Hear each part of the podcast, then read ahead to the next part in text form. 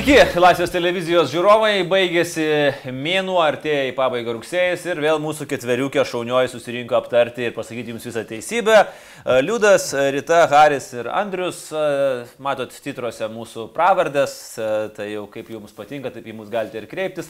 Iš tikrųjų, mums truputėlį net ir nejauku, nes mes praėjusią laidą baigėme tuo labai išplūdę kandidatus, kad jie netampa kandidatais ir po to pasipylė iš karto kandidatų gausa, apie tai mes pakalbėsime. Šiandien taip pat ryta atvers tokias dureles ir iš ten pradės traukti durnius, kurių, ačiū Dievui, irgi rudenį uždėrėjo. Ir kad jau kalbam ačiū Dievui, be abejo pakalbėsim ir apie jo vietininką, kuris apsilankė ir žinoma apie mergaitę, kuri sugebėjo labai tiksliai suskaldyti Lietuvą. O kas dar geriau skaldo Lietuvą, tai be abejo mūsų liepos ir ažoliukai, kur puikiai irgi turime dvi, o galbūt net ir tris dalis. Tai va, toks yra šio uh, vakaro, šios dienos planas. Ir pradėkim turbūt nuo, gal nuo kandidatų. Pradėkim nuo kandidatų, turim, dabar jau turim Sočiai, dabar ko gero liko vienintelis, kuris dar nepasakė, bet turbūt, nežinau, ar kam nors kyla abejonių, kad skvernelių Saulis eis į prezidentus. Ar turite abejonių? Ne, šiandien neturiu ne vienos abejonės. Bet labai geras jo atlyginimas. Jis gerai uždirba, tai jis turėtų tempti kiek, kiek galima, ar ne? Tai ir tempia. Tai ir dabar jau jam nėra kur skubėti. Taip, kortos ant stalo geriausiai prisimins tą, kuris paskutinis e, pasirodys, reiškia, ir, e, reiškia, reitingai irgi kol kas yra ką paveikti, bet e, manau, kad nenutems, nors jisai kažkokias ruominas buvo, kad net ne 2018 metais išgirsim šitą oficialų pareiškimą. Tai dabar iš tikrųjų nėra kur skubėti, nes manau, kad jam kortos labai gerai susiklostė, visa oponuojanti pusė išsidėliojo, viskas, ten jau daugiau turbūt nebeliko niekam. Vietos nebeliko. Vietos nebeliko. Na, Nausėda, Ušatskas, Šimonytė, o jo pusė kažkaip na, nieko ir neatsiranda ir gal net neatsiras, e, nes socdemų kandidato turbūt nelabai galima rimtai vertinti. Bet jis tai turi vieną svarbią užduotį - sugalvoti gerą vietą, kurioje reikia paskelbti apie kandidatavimą, nes nu šiaipgi negali kaip šimonytė atsistojusėme ir paskelbė. Tai Jis šiuo metu varto Aruodas LT, po to reiškia Google Maps, matyti, žiūri lokaciją, lokaciją, lokaciją. Gali pasižiūrėti, mes visai neseniai mūsų tobę paskelbėm septynias vietas, kur galima pasiskelbti kandidatams, tai va irgi Laisvės TV jau vienam kandidatui padėjo pasiskelbti, gali padėti ir kitam. Vienas pastebėjimas, aš sakiau, tokį iš, išreiškiau pastebėjimą, kad jis yra kairioji dėžutė. Na, jeigu ten šimonytė nausėda yra dėžutė. Ir tada pasipylė uh, pikti komentarai, kaip tu drįsti skvernelį vadinti kairiuoju kandidatu. Aš labai nusišnekėjau. Kaip tu iš vis valdžią drįsti kritikuoti? Ne, tai čia, čia kas kita. Tai... Premjeras, kuris ragina atimti iš vienų ir atiduoti kitiems, tai yra tikras dešinysis, šimtaprocentis, kuris ragina sutramdyti tuos be, begėdžius, kurie lupa devintą kailino rinkėjų, yra tikras dešinysis. Tai man atrodo, kad Andriu žiauriai prašovė, prašau, nu koks jisai kairysis pagaliau iš tikrųjų. Nes ypatingai patys tikrieji kairieji LSDP pasipiktino ir mūsų bendra draugė Birutė Vesaitė. Dėl to, kaip mes drįstam skvernelį vadinti kairiuoju, kai jis nėra joks nekairysis, o jų nuomonė jis yra liberalas. Žiūrėk, jeigu tu bet Žiūrėk. kurio kandidato paklaustum, vat, tu kairysis ar dešinysis, ir aš girdėjau, kaip šiandien to klausė Šimonytė, ką daro kandidatas. Jis taip daro tokį, nu ir sako, nu matot, nu čia ta kairė, dešinė, čia toks dirbtinis, aš save matau centre, žmonės sakys centro dešinė arba centro kairė, nu visi taip bando atsakyti iš tą klausimą. Okay. Gitanas jis irgi apie socialinius visokius dalykus šneka. Jis toks centro. Jis netgi sakė labiau kairesnis, centro, jo, labiau, labiau kairesnis negu norėtų būti dešinysis. Man įdomiau kitas dalykas. Uh, trys dešinės kandidatai - Nausėda, Ušatskas ir Šimonytė. Jie visi išsilaikys iki rinkimų kampanijos starto? Kaip galvojate? Čia būtų svajonių scenarius. Uh tam liberalų ar kairiųjų kandidatui, nes tikrai būtų šauniai dešinė susivalgiusi ir jeigu dalis tikrai skirtingi kandidatai, iš tikrųjų jie turi savo gerbėjų kažkokią dalį, tai galima būtų, jeigu mes žiūrėtumėm į nuseklumą kandidato, šiuo atveju nausėdos pasakymą, kad jeigu bus deramas ar tinkamas kandidatas, kokie ten buvo tikslų žodžiai, aš nekandidatuosiu. Bet apetitas ateina, kaip žinome, bevalgant ir šitiek jau įdirbio ir darbo išeita, kaip tik tai po valka pastarojo posėdžio ir atrodo man, kad ko gero jisai gali ir likti. Ir tai tikrai e, kanibalizuos tą dalį žmonių, kurie, kaip kažkada sakė vienas valstybės pareigūnas, mastą dešiniają smegenų pusrutolio dalim ir lengva laimėti, aišku, antram turė gal konsoliduosis, bet vėlgi mes šnekam kol kas apie pirmąjį, ko gero. Aš tik pridėčiau, kad tas pareigūnas, kuris taip sakė, dabar yra kanibalizuotas ir e, gyvena užsienyje, nes čia jam vietos neatsirado. Nors tai Gal įvardinkim tą pareigūną, kad tai yra. Povilas Malakauskas. Taip, Lietuvoje nėra vietos tokiem žmonėm, tai čia tokia smulkmenytė, bet tęstant temą, aš manau, kad, ne, nemanau, Ingrida Šimonytė aiškiai pasakė, jeigu partijos rinkimuose jinai nelaimės kaip partijos kandidatė, jinai pasitrauks. Tai tokiu atveju lieka Ušackas ir Nausėda. Ušacką laikyti visiškai dešiniųjų kandidatų man taip gan sunkiai išeina. Aš manau, kad jis labiau nugraužtų balsų nuo skvernelio. Ir čia jau priklausys, kaip elgsis Nausėda, nes Ušackas pasakė, kad jisai kandidatuos kaip be nuspręstų partiją.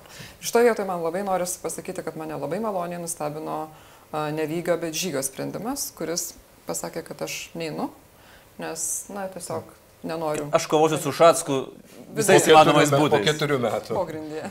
Po, pogrindyje. Platesnė prasme, ta valstybininko požiūris, sakykime taip, aš nebijau čia to žodžio, na iš tiesų yra vertybinis sprendimas, kad tu neini skaldyti dešiniojo sparno rinkėjų ir, na, aišku, galvoju ir apie savo ateitį, net meskim ir to. Man kitas dar įdomus klausimas. Kaip Jūs galvojat, kokią paramą, iš kur paramą gaus Gitanas Nausėda, jeigu jis eina kaip nepriklausomas, jis neturi jokios struktūros regionuose, ten visų, jis nieko neturi. Ušackas jau ten kūrėsi tas Vyčio kopeles ir panašiai. Iš kur ateis nausėdai paramai? Ar... Turės problemų su parašais, visų pirma. 20 tūkstančių ir jo labiau šiais laikais, kai žmonės vertina savo asmens duomenis, tai yra sunku. Nu, aš pats esu kažkada juos rinkęs. Ai, už Vytautą Šerieną. Šeštais metais ir tikrai tai yra labai labai nelengvas darbas. Labai nelengvas. Aš neturiu kaip nesutikt, nes iš tiesų neteis nei parašai patys, tu gali turėti savanorių, bet tai žiūrėkit, tai kiek reikia savanorių, kad jie surinktų po tūkstantį parašų. Nu, Neteis nei parašai, nei pinigai, nors trys psichiatrai komandoje, tai vis tiek yra džiuginantis dalykas. Na, ką žinau, ne. ar labai čia džiugina. Psichiatras, psichologijas ir toksikologas. Toksikologas. Tai... Nu, visiems gyvenimo atvejams. Bet e, šiuo atveju gali būti nutikti ir taip, kad tai vėlgi mes matom tokį balionėlį, kuris nelabai aišku, kuo pagrįstas tie 20 su viršum procento, e, kurios konvertuoti į realią nu, ne partija, bet struktūra, kuri veikia, kad būtų rezultatas, gali būti labai iš tiesų sunku ir žmogui tai gali tapti dar vienu stimulu pagalvoti, gal čia aš vis dėlto šį kartą atsitrauksiu. Nu, bet labai keista, kai tu esi lyderis, tu turi 20 procentų, ar ne? Iš kur ta parama, vat, klausimas, kas čia per mitai ir vat, man knieti pasakyti tokį irgi kažkokį tokį, nežinau, man nerima kelinti procesą, kad partinė ideologinė apskritai kultūra nunyksta, jau mes matėm, kas darosi su liberalais, kurie sako, okei, okay, steigsime dabar viens po kito miestuose komitetus, tai jau čia Vilnius tą turi, Klaipėda ko gero irgi turės, tai ko gero Tevinė sąjunga yra viena iš tų besipriešinančių, jie dar turi vat, realius dabar, kaip čia amerikietiškai būtų pasakyti, primaries arba tos iš ankstinius rinkimus, kur bus du vertybiniai kandidatai, o visur kitur yra toks mitų kūrimas, sakyčiau, ir, ir Gitanas Nusėda yra vienas iš tų, ko gero, mitų, kuris e, pasakoja žmonėms apie tokius plačius, kažkokius pagerėjančių gyvenimo e, nu, reginius. Bet jis vienas neapvažiuos vienu metu 60 Taip, regionų, čia aš matau problemą. Bet Taip. Galima galbūt tartis su kokiais nors komitetais, pavyzdžiui, niekada negali atmesti, kad jiems ir susitars su kokiu nors komitetu Kaune ir kas nors mm. už jį ten pavažiuos ir parinks. Bet tai kam vertybiškai artimiausia dabar liberalams tada, ar, ar Tėvinė sąjunga, kurie automatiškai atkrenta, nes jie turi savo kandidatą? Šiandien su Mažydu Ištramsi, kai tik pradėjome tokią įdomią diskusiją, tai yra prisimenant 15 metų pabaigą ir 15,5 procentų turėjusių liberalų sąjūdį, tai yra milžiniška jėga, sakykime, tuo metu buvo. Va štai šitie žmonės, už ką jie balsuos? Jų pasirinkimas turbūt vienas iš trijų. Nu gal šiek tiek nubirės už skvernelį, bet aš manau, kad... Aš manau, kad jie balsuos už šimonytę. Už šimonytę. Aš manau. E, taip. Labiau. Nu, taip, negalima sakyti, kad mechaniškai visi nuėjo ir pabalsavo. Taip nebus, bet didžioji dalis manau, kad. Gerai, baigiant subtemą, įsivaizduokim, visi trys lieka trasoje, ar ne? Visų paklausiu, Jūsų nuomonė, kas surinks daugiausiai balsų iš tų trijų? Šimonytė. Šimonytė? Manau, kad šimonytė. Prisijungsiu prie kolegų. Nu, norėčiau prieštarauti, bet irgi turbūt sakyčiau, kad šimonytė vien dėl to, kad labai nuosekliai ir turbūt netikėtas sprendimas buvo, nes aš galiu pasakyti, kad prieš kokius tris mėnesius buvau šimtų procentų įsitikinęs, kad ne. Gerai, yra nors, nors, nors toks šansas, kad uh, tarp šitų kandidatų, Puteikio, Maldeikienės, um, Juozaičio, kažkuris vienas išsiverš į priekį ir pakonkuruos dėl antros vietos? Manau, kad ne. Ne? Arba mes, Andriu, esam visiško burbulo jau aukos ir mes nieko nebesuprantam apie šalį. Aš tai. Jozaičio apie atveju, Lietuvą. aš Jozaičio atveju tai matau šansų. Joza, būtent, būtent Jozaičius. Būtent Jozaičio Bet pirminis dalykas vėl Puteikio. 20 tūkstančių parašų. 20 tūkstančių parašų. Aš manau, kad tai nusmigdys ir puteikį. Tai padaro Maldeikienės dalyvavimą daugiau teorinių, ar ne? Na, ar surinks Jozaitis, nu, jeigu jie ten turi velniškai gerą ir velniškai darbščią komandą. su Nu, jie moka į parašus rinkti. Nu, Jie surinko 300 tūkstančių.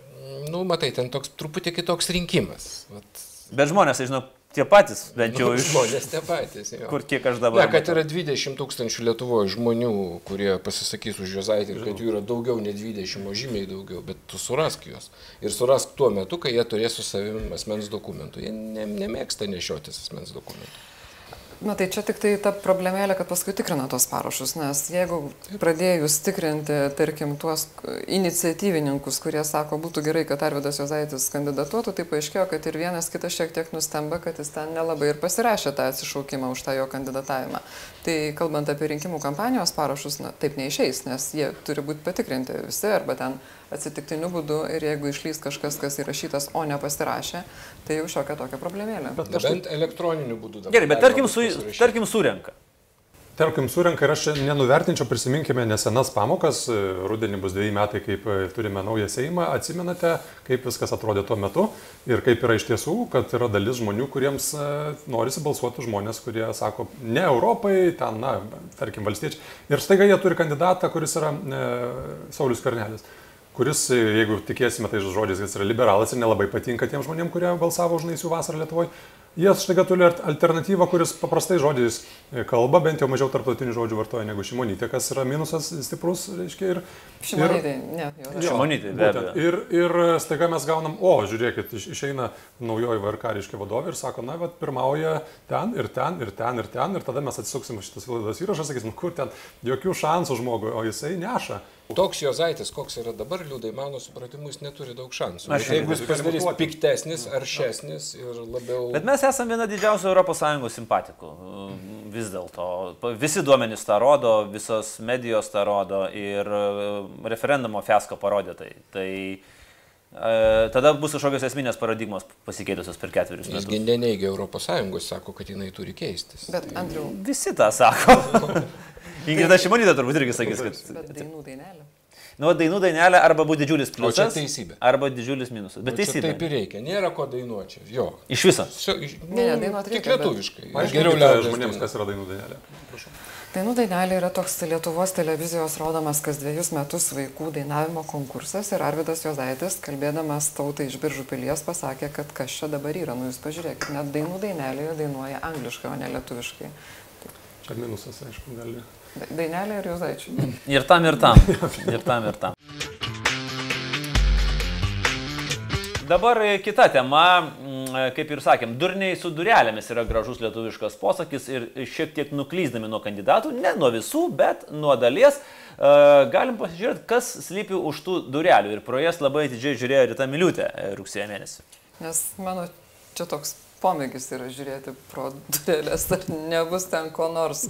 Tai aš pradėsiu ne nuo durniaus, aš pradėsiu nuo daktaro Mindaugo Puidoko, kuris, kaip paaiškėjo, yra pridėjęs labai tiesiogiai rankas Lietuvoje steigiantis tokiai Sirijos organizacijai, kuri pasirodo šiek tiek kovoja su psichotropiniu ginklu, šiek tiek skleidžia teosofinės humanistinės idėjas. Na ir šiek tiek tas Šiek tiek tai yra tai, ką pats Mindaugas Puidokas aiškina, kad džiaugiuosi, jog 14 metais turėjau galimybę prisidėti prie humanistinių idėjų sklaidos Lietuvoje. Aš džiaugiuosi to, kad pravėriau durelės ir pasižiūrėjau, kas yra tos humanistinės idėjos, apie kurias gan išsamei parašė 15 min, bet aš pasižiūrėjau įrašų su ta ponia, kuri yra steigėja tos, vadovė tos organizacijos, kurią įsteigiant dalyvavo Mindaugas Puidokas. Ir štai yra puikus vienas iš dar puikesnių įrašų, kur jinai sako, o viešpatėliau, kaipgi tai buvo gerai sovietmečių ir kaip mes visi gerai ir laimingai gyvenome ir iš tikrųjų nieko nebuvo geriau, nes jau tada mes dirbom vardant humanizmo ir ko tik tai nori. Štai tokia yra jos pasisakymo ištrauka. Вы посмотрите, люди сейчас стали жить намного лучше. Они стали жить в десятки и сотни раз лучше, чем они жили тогда, в 40-х, 50-х, 60-х годах. Но куда ушло счастье? Его нет. Его нет, потому что мы утеряли вот это внутреннее ощущение радости совместного труда.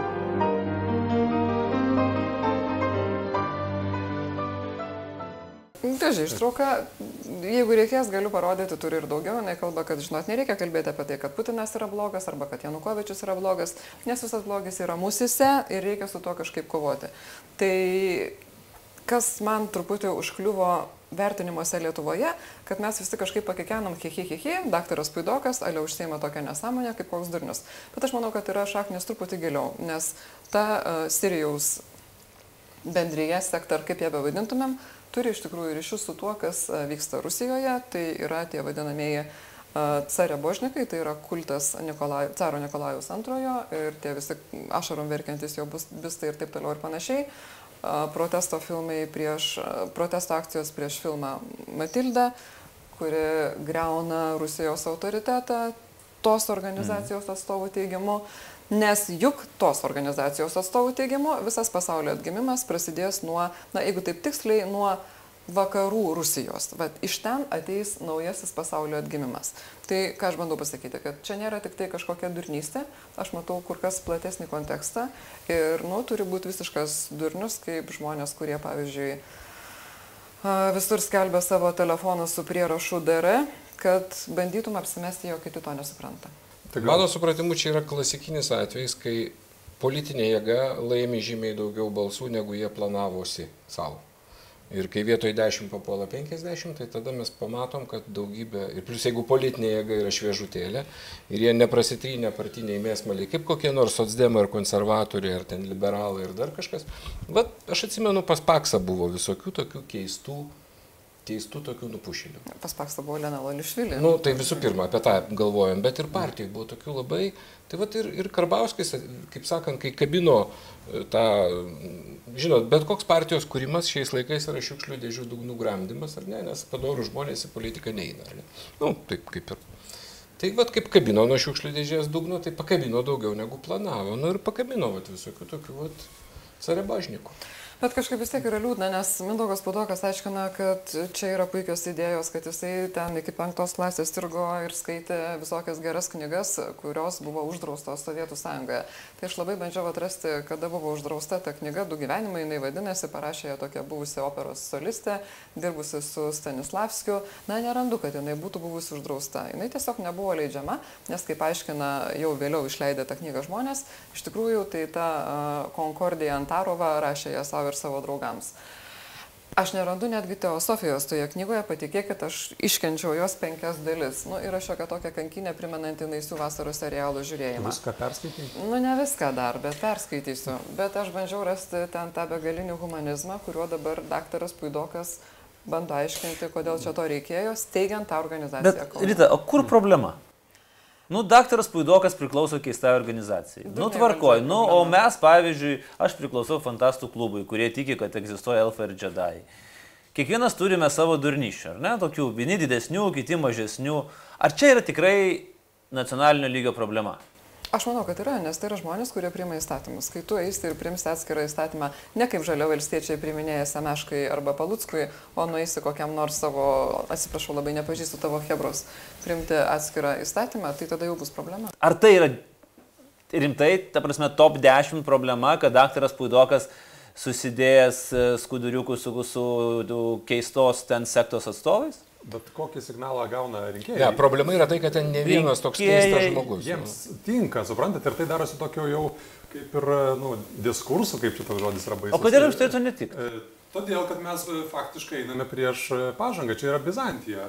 Rytuose šitie dalykai puikiai, atsiminkime, Kašpirovskį masiškai, Čiumaką, užkalbėtus visokius sloikus, stiklainius per televizorių. Ir jeigu tą tamsą skleisim ir toliau, tai ką čia mes su savo tais e, lazeriais ir genetikom šnekėti galim apskritai. Ir čia tik tai vienas pavyzdys. Palaukite. Kol lazeriai- kol bobutės renkasi pas kepenį valgyti virtų burokėlių už savo pinigus į palangą, tai ne mano problema, ar ne? Bet kai pe- kepenis e, reguliuoja valstybės sveikatos politiką, būdamas visiškas šarlatanas, nors žmogus sveikas, aš su tuo sutinku, tai jau yra problema. Gerai, bet uh, apie tamsą. Čia aš dabar peršoksiu prie temos, mes dar tikrai prie jos grįšim. Uh, kiek tūkstančių žmonių sekmadienį Kaune matė Dievo ranką danguje? Ministras susisiekimo matė Dievo ranką danguje, tai yra buvo vaivoriškė, aš tiesiog patikslinu, jeigu nežinojot. Halas, kitaip. tariant. Taip. Tai, e, bet kas, kas, ir kažkodėl ministras taip susinepatogino, kad ištrynė po to tą, tą, tą, tą O. Gitanas nausėda ištrynė? Gitanas nausėda, nežinau, nes Mačiau pas Gitaną. nemačiau. Aš Bet ar tai yra problema vėlgi? Mes čia manom, nu, aš manau, kad tai yra problema ir viena iš gerųjų naujienų tiem, kurie mano taip pat. e, Laisvės televizija rudenį pradeda laidų ciklą pamokslas, e, tokiu kodiniu pavadinimu, iš tikrųjų tai bus ne apie Dievo ranką danguje, o bus apie tikrus dalykus, kurie gerina žmonių gyvenimą, apie e, dirbtinį intelektą, apie biotehnologijas, apie lazerius ir taip toliau. Apie psichotropinį ginklą, taip ir sakai. Ko gero, prieš kurį reikia kovoti, e, stojant į azijinės struktūras e, ir jomis plaunant smegenis. Nes tai daroma žala, nes jisai turi instrumentus, kitaip tariant. Jeigu tu esi žmogus, kuriam nuolat kažkokie tėvai siunčia signalą ir tau reikia uždėti šalmą, kad atmuštų tuos spindulius, tai turi, e, turėk tą šalmą ir e, kars nuo karto konsultuokis. Bet jeigu tau linkimas lėmė patekti į Seimą, tai tu slėp savo tą prigimtį vardantos. Aš nežinau, na, aš mačiau grėsmę, nes e, didžiosios bet valstybės turėdavo šarlatanų šalia. Ai, bet tai žinai, nu- keista buvo, iš tikrųjų. Nu, jin tokia be pradžios, be pabaigos. Bet aš grįžtu prie labai panašaus žmogaus, irgi iš tos pačios frakcijos. A, Bakas, ekspertai EU, va ten tai jau tikrai rimta yra kontora, ar ne, vienas iš įkūrėjų. Bet dabar jis yra, nu, nacionalinio saugumo ir gynybos komiteto pirmininkas ir kalba, nu, sakykime taip, daugiau mažiau ok.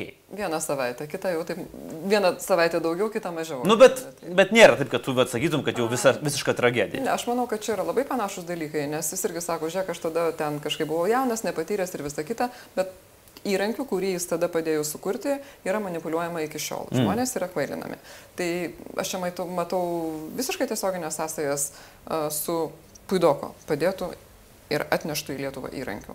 Tai koks yra skirtumas? Irgi yra žmonės kvailinami ir galų gale, kai mes sakom, ai tai čia nesąmonė ir visa kita, tai pažiūrėkit, ką daro tie nesąmonės kleidėjai. Jie vieną dieną įkūrė Sirijaus a, atstovybę Kaune, kitą dieną jie džiaugiasi, nu kitais metais po keliarių metų jie ateina pas popiežių, džiaugiasi ir, ir dalinasi su visais savo poteriais, kad štai aš dabar jau esu tas a, tikrasis tikėtojas ir dar kur nors pakeliui jie sugeba pašvesti su laužais akvinokciją. Tai, bet tai, kad mes viską sumalam į vieną košę, vadinasi, nebevertinam nieko rimtai, kas yra iš tikrųjų didžiulis pavojus. Čia politika, populizmas. Taip. Jisai paima visas įmanomas seg segmentinės grupės ir susirenka. Ir po to žiūri, kas bus. Nudažo žalę spalvą viską. Na, Po to Nes- žaliai perdažys. Nes niekas nekelia tokio reikalavimo, kad jeigu tu jau esi katalikas, tai tu nešokinėk tada per Piziaus laužą. Nu, tai grubiai Na, išneka. kaip bažnyčia sako, kad neturėtume garbinti pagoniškų dievų, tie, kurie esame jau tie katalikai ir, ir varom ten į tą kauną. Nu taip, yra ir netgi 200 tūkstančių. kažkuris įs- įsakymas, neturėk kitų dievų, tik mane vieną.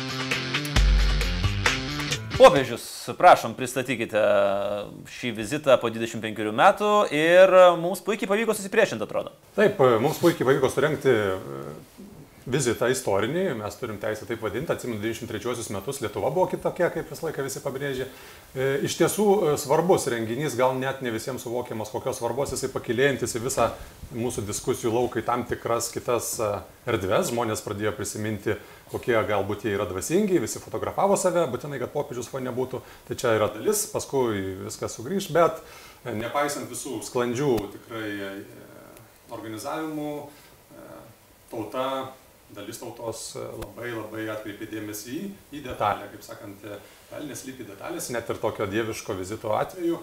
Kažkodėl žmonėms pasirodė labai svarbu mm, nuspręsti, kas atsako už tą tamsesnio negu vidutinio gymio mergaitę, kuri buvo išrinkta ir pastatyta pasitikti popiežių. E, Dalis žmonių e, mano, kad tai yra mūsų valstybės e, tarnautojų perteklinis noras pasirodyti tokiais, kokie mes nesame. Kitaip tariant, ištraukti vaiką iš šimtų tūkstančių kitų vaikų ir rodyti netipišką. Kiti iškart puolė juos kaltinti rasizmu, o dar vieni jiems atkirto pasakydami, kad iš tikrųjų gėda, ką jau tikrai lietuviškas vaikas negali pasirodyti vietoj to, kad mes turim kažkokį importuotą. Ir iš to kyla įvairiausių minčių. Man bent jau aš nežinau, kokios jums mintis, bet e, truputį supratimas, kad čia buvo lakmuso papirėlis duotas žmonėms dar sėki pasitikrinti, kiek mes toli nukeliavome savo tolerancijos ribo, ribomis, na, atradome kažką naujo. Na ir e, taip pat pagalvoti apie mūsų valdininkus, kurie galbūt kartais e, linkia vis dar pagal senas tradicijas dažyti žolę prieš atvažiuojant generolui į garnizoną. Ką Andriu tu galvoji? Man tai vienodai rodo, jeigu taip atvirai tas vaikas. Kam rūpi mergaitė? Kam rūpi, nu stovėjo mergaitė ir stovėjo. Graži mergaitė, beje, mano kolegės buvusios e, dukrytė. Ir aš e, suprantu, kad ko gero, jeigu nebūtų atsiradę keli vėliavos nešikai e, socialinėme tinkle, čia turbūt yra prakeiksmas tų socialinių tinklų, kad visada atsiras vėliavos nešikai, ar ne? Tai visi mes ir būtume likę prie tų, prie tų dvasingų dalykų, galbūt analizavę popiežiaus žodžius arba uh, arba iš tikrųjų kalbėjo apie tą tokį valstybinį, valstybinį lygmenį arba politikų populizmą. Bet atsirado vėliavų nešikai ir vėliavų nešikai supylė tą truputėlį žybolą. Mums daug nereikia, ar ne? Mes esam tokiam, tokioj kondicijoje, mes esam kaip geras miškas, e, sausas vasaros vidury. Ten įmeti kažką, tai ir ne, ir užsidega visas miškas. Nes pavyzdžiui, to net negalima sakyti, kad tai buvo lokalinis konfliktėlis, todėl kad e, šita naujiena didžiausiame portale buvo ryškiai skaitomiausia. Ten, nu, ne, man atrodo, jinai bus mėnesio skaitomiausia naujiena. Tai e, man asmeniškai visiškai jokio skirtumo, kokia ten buvo ta mergaitė, kaip jinai buvo apsirengus ir, ir ką jinai laikė, tol kol tai nebuvo, sakykime, nežinau, antikristo ženklas, kad e, pasitinkant pavyzdžiui galbūt nelabai tiktų. Bet pasirodo, kad labai svarbu tai yra. Ir vėl mes vieni kitus kaltinam. Ir kartais kaltinam tokiais dalykais, kur galbūt tikrai net ir tie vėliavų nešikai turėjo visai ką kitą omeny, sakydami uh, apie tą mergaitę. Žinai, žmonės, kurie klonio gatvėje gynė vieną mergaitę, dabar žiūriu, bent mano Facebook'e, kiek mačiau, tai jie puola dabar kitą mergaitę. Ir žmonės tai tie patys.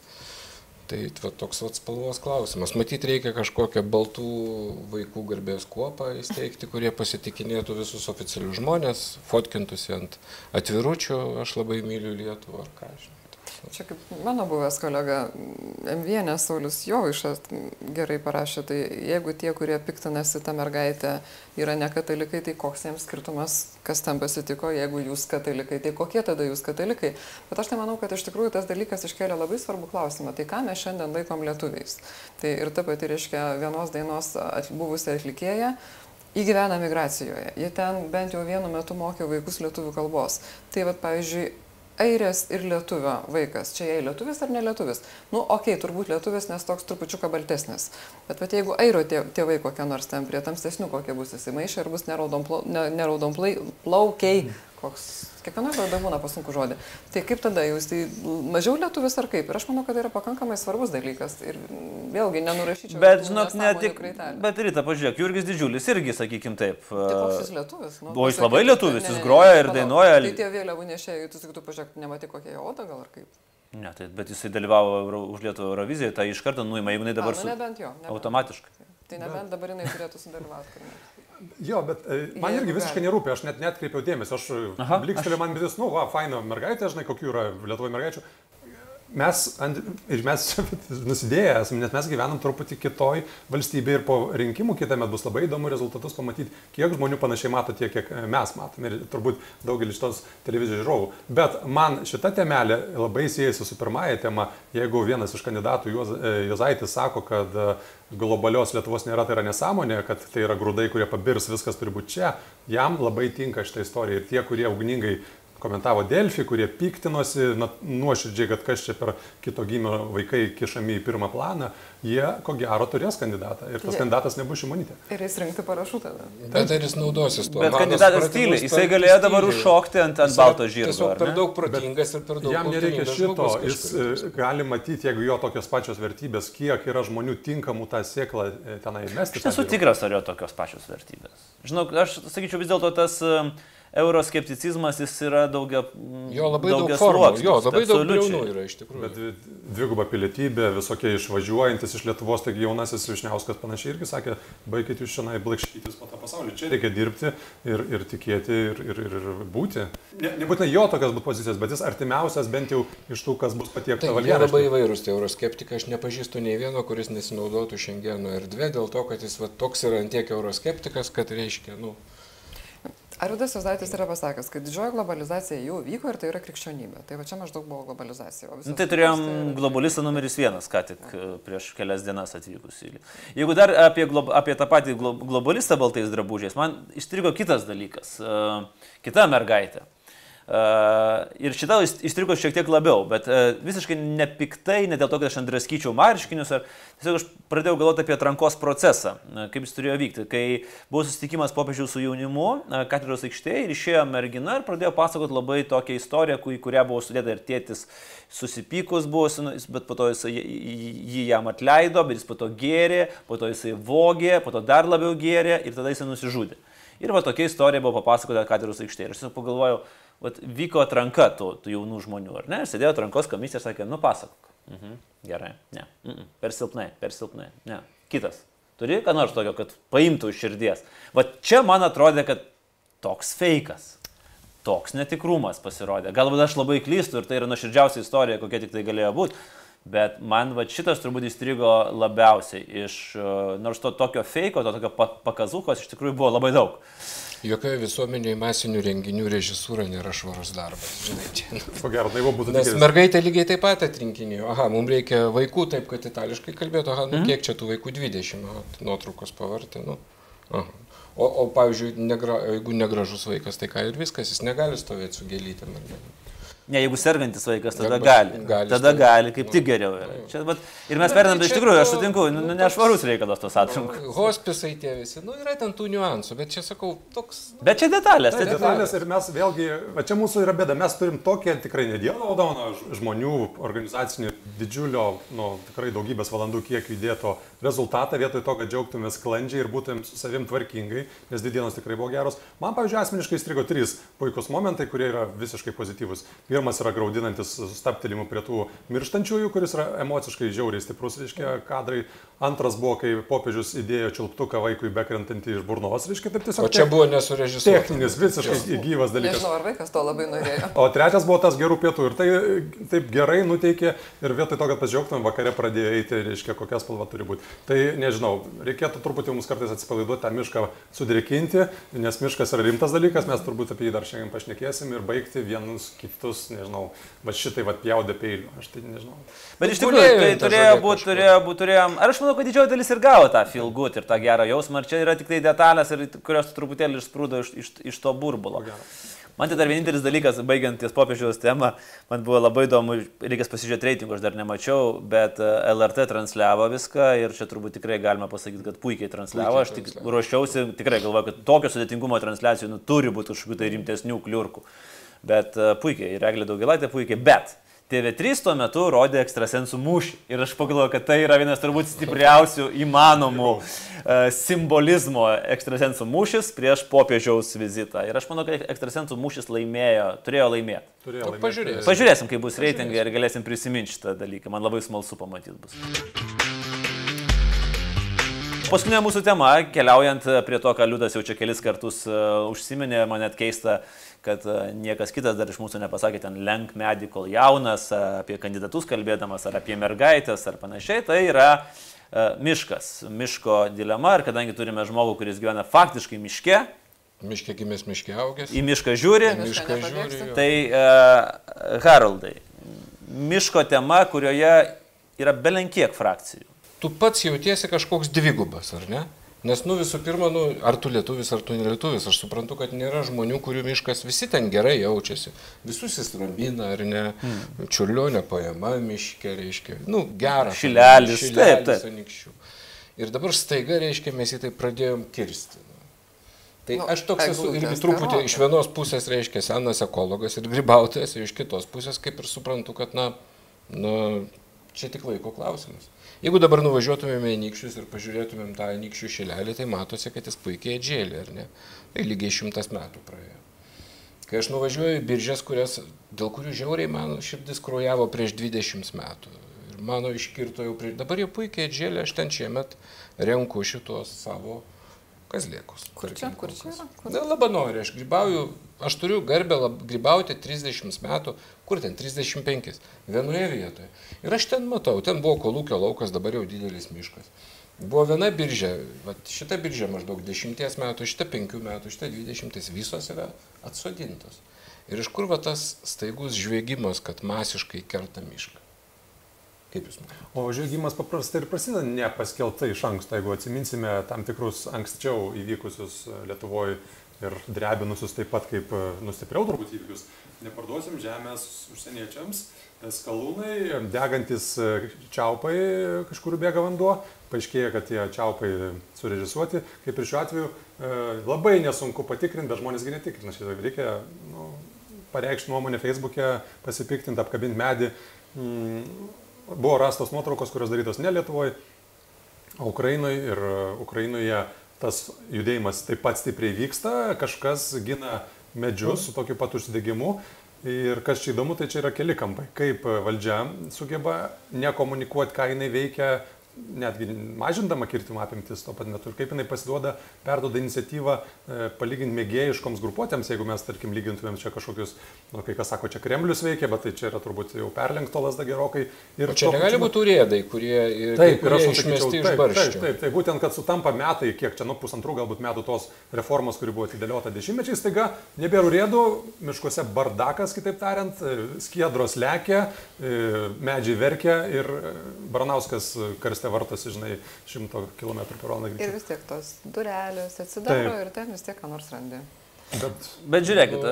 yra vienas iš e, kertinių veikėjų iš tos istorijos - Andrėjus Gaidamavičius, Bronio Ropės padėjėjas ir Labanoro klubo buvęs prezidentas. Aš pasižiūrėjau ganėtinai nuosekliai, ką jis yra rašęs ir kalbėjęs. Ir jis tai apie Labanoro kirtimus rašo kokius jau belenkiek metų. Taip, nu jie ir vyksta iš tikrųjų. Taip, nu. ir jisai rašo, ir rašo, ir jiems skauda dėl to labanoro ir taip toliau, ir taip toliau, ir taip toliau. Ir niekas labai į jį nekreipė dėmesio. Kol, kaip sakė mūsų visų bendras pažįstamas Vladimiras e, Leninas, iš kibirkšties įsidegė liepsna. Ir man vat klausimas, iš tikrųjų, vienas iš e, galbūt variantų yra urėdai, kurie dabar žengia į keršto kelią. Gal. Na, antras dalykas yra objektivus. Iš tikrųjų, miško kainos pakilo per paskutį pastarąjį pusmetį, netgi jau metai, galima sakyti. Ir natūraliai pradeda, kaip sakyti, kaip naftoj pradeda daugiau pompuoti. Ir jos nukrenta, dabar pradėjo daugiau pjauti. Plus, na, biokūro iš tikrųjų trūksta, jis pabrango. Prasme, yra visiškai objektyvūs dalykai, gal žmonės tiesiog mato, kad dažniau pravažiuoja tas miškovežys. Nors nežinau, kiek aš šiemet važinėjau po Lietuvą, važinėjau daug, nu kad labai daug, taip dvigubai, kad daugiau atsirastų biržių, nu nėra tai. Aš tai ne šiaip apie tas durelės kalbu, dėl to, kad nu, vis tiek tą durniaus pėdsaką gali rasti visur ir čia irgi. Tai tas pats europarlamentaras LVŽS dalinasi štai savo to padėjėjo ar rėmėjo įrašais, Seimo vicepirmininkai ir panašų žmonės dalinasi ir džiaugiasi, kad, na, nu, aš nežinau kito žodžio, kaip kad negaliu kitaip pavadinti, tai yra durnystė. Vieni valdančiosios daugumos atstovai džiaugiasi tuo, kad kiti žmonės sukilo prie tos pačios, prieš tos pačios daugumos. valdančiosios daugumos sprendimus. Nu, susitarkit kaip. Dėl to, kad jie yra valstiečiai, žalieji.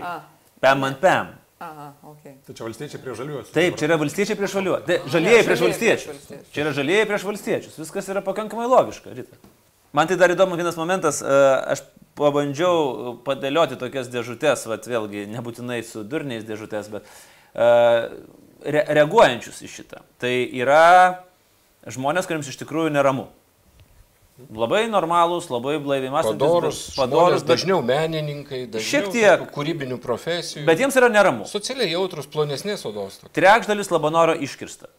Tai tikrai yra rimtas pareiškimas. Trečdalis, o gal ir pusė. Kol. Bet lyginant su kuo? Nesvarbu, su kuo. Aš sakau, okay. su kuo tu dar nori lyginti. Ar tu dabar nori eiti į kubinius metrus, skaičiuoti kažką. Pusę Labanoro iškirsta. Va taip. Okay.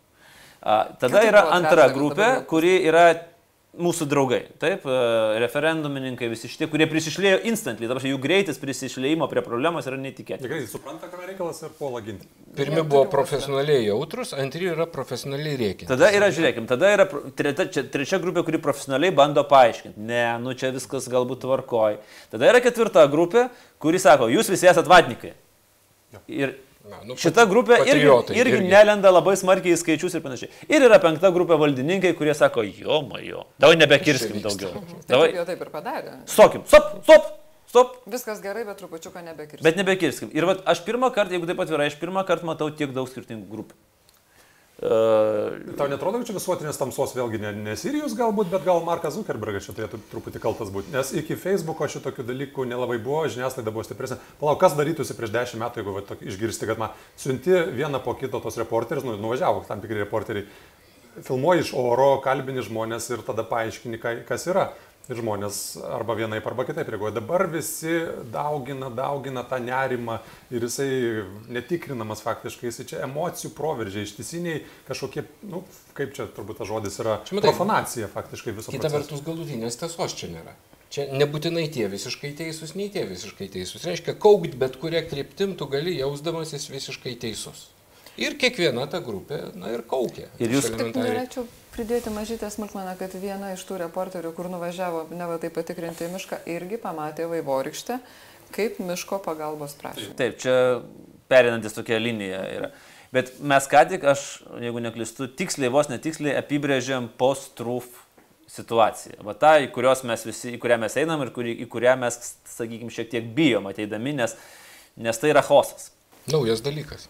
Čia naujoji cenzūra, aš pasakyčiau, žinot, ta du- dvi versijos cenzūros. Senoji cenzūra, kai yra vienas kranas e, kietai užsuktas iš jo visi gaudo vieną lašą vandens ir naujoji cenzūra, kai yra 10 ar 15 kranų, visi atsukti iš jo bėga bet kas - limonadas, sunkusis vanduo, toksinai ir tu susigaudi, kad gudrus. Gerai, o ką tada daryti? Ką daryti, sakykime, uh, žmogui, kuris nepriklauso šitom penkiom grupėm?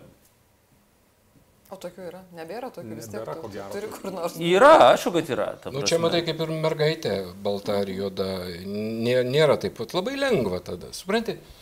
Aš galvoju, va, dėl mergaitės, dėl ko labai daug kilo triukšmo, dėl to, kad čia lengva turėti nuomonę. Tu esi arba už, arba prieš. Ir čia vat aiški situacija. Tai su mišku irgi lygiai taip pat. Čia dar lengviau Tu, tu, lab, dar lengviau Čia yra, polarizuoti. Čia yra vienareikšmė nuomonė. Miškas yra gerai. Lygiai taip pat, jeigu kerta kaštonus kaštonų gatvė arba šir mieste, ar ne, tie, Kaštonų kurie... gatvėje nėra kaštonų. Žinau, ten šermukšniai, Olandų gatvėje nėra. Olandų, Malūnų gatvėje nėra Malūnų. Kaštonų gatvėje yra liepos. Liepos. Supratau. Klevai. Tai kai žmonės bando arba žaliakalnį kerta ir taip toliau, na kai tu negyveni toj gatvėje, tai tau atrodo, "O, čia dabar koja čia. O jeigu tu gyventum, matyt, reaguotum visiškai kitaip. žinai. Nu, Ir čia ko gero mes per tas gatves visiškai netyčia, bet prisiminėm gerą dalyką, nes turbūt tam miškų įjaudrinimui dar labai padėjo Miestai. prieš tai buvęs miesto medžių kirtimas, kur irgi... nu, Taip, visi jau buvo Ne, pasiruošę. nebūtinai gali suprasti, ar kiekvienu atveju tikrai ten reikėjo viską iškirsti. Pavyzdžiui, Varenoje nu, yra plynas betonas. Aš nežinau, gal taip reikėjo, gal jie visi sirgo. miesto aikščių įsisavinimas tas ES ir mes nu, nuvažiavę į savo kažkokius vaikystės miestus, jeigu nebuvai penkis metus, tai dabar taip nu, pasimetė. Bet čia daug kitokių procesų vyksta. Juos jeigu sumetam į vieną, vėlgi suprofanuojam. Bet tai čia Bet yra, yra vėlgi, tu renkėsi pats ir gyvenime, čia nuseklu yra. Viskas eina blogyn, tarkim, tai tinka žmogui, žiauriai tinka. Miškus baigia iškirsti, stadiono nėra, e, paskutinę žirgų mokyklą uždaro ir tada sėdi, taip viskas velniau. Ir tada reiškia vėl rinkimai ir vėl rezultatas. Arba tu pala, pala, tai gal ne viskas taip yra. Tai va yra kritiškai mąstantis ir yra Sirijaus palytėti, kurie e, mano, kad... O gal tai nebūtinai Sirijos palitėti, gal tiesiog tai yra kaip toks e, simuliakras tavo paties nelabai nusisekusiam gyvenimui, Labai kur tinka. tu, tu matai, kad, nu, bet iš tikrųjų yra daug blogiau, ar ne? Pusė labanoro iškirto. Nu tai ka, kur jau čia mano problemos, žinai, kad aš mažą atlyginimą, bet pusė labanoro. Du trečdalis, man atrodo, jau dabar gal. Net. O kad jį kalba. 18 ir dabar 18 ir kad praėjo šimtas metų apie tai niekas negalvoja. Sutapimas? Baikit, nemanau. Nemanau. Arba kad miestuose pradėjo medžius sodinti po kem penktų metų natūraliai po karo ir kad lapuočio ciklas apie 70 metų ir kad atėjo laikas tą kaštoną pjauti. Čia Ne, nepageidautinos man detalės. vis tiek, aš manau, kad detalės, čia tikrai detalės, kurios nėra ne, Jeigu faktai trukdo gerai istorijai, tai Taip. žinai, Tai ką su jais. Čia šitą televiziją apskritai vadovaujasi, čia mūsų moto yra. Svarbu vaivorykštę parodyti virš visko ir tada kažkaip tai ramiau pasidaro, kad teisingą dalyką darai.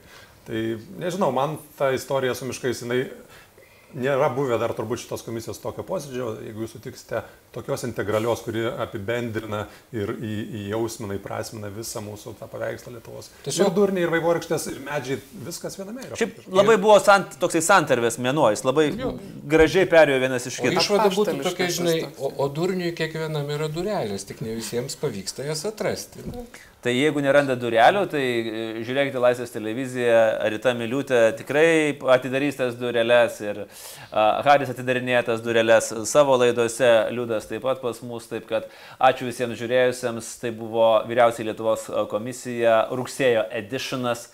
Čia jau dabar jau kandidatų į prezidentus vienam nepatiktų, ką aš pasakiau. Mes pasimatysime lygiai po mėnesio ir aptarsime, kasgi nuostabaus įvyko spalio mėnesį mūsų fantastiškoje valstybėje. Ačiū visiems, iki. Dėkui. Važiuojame mišką.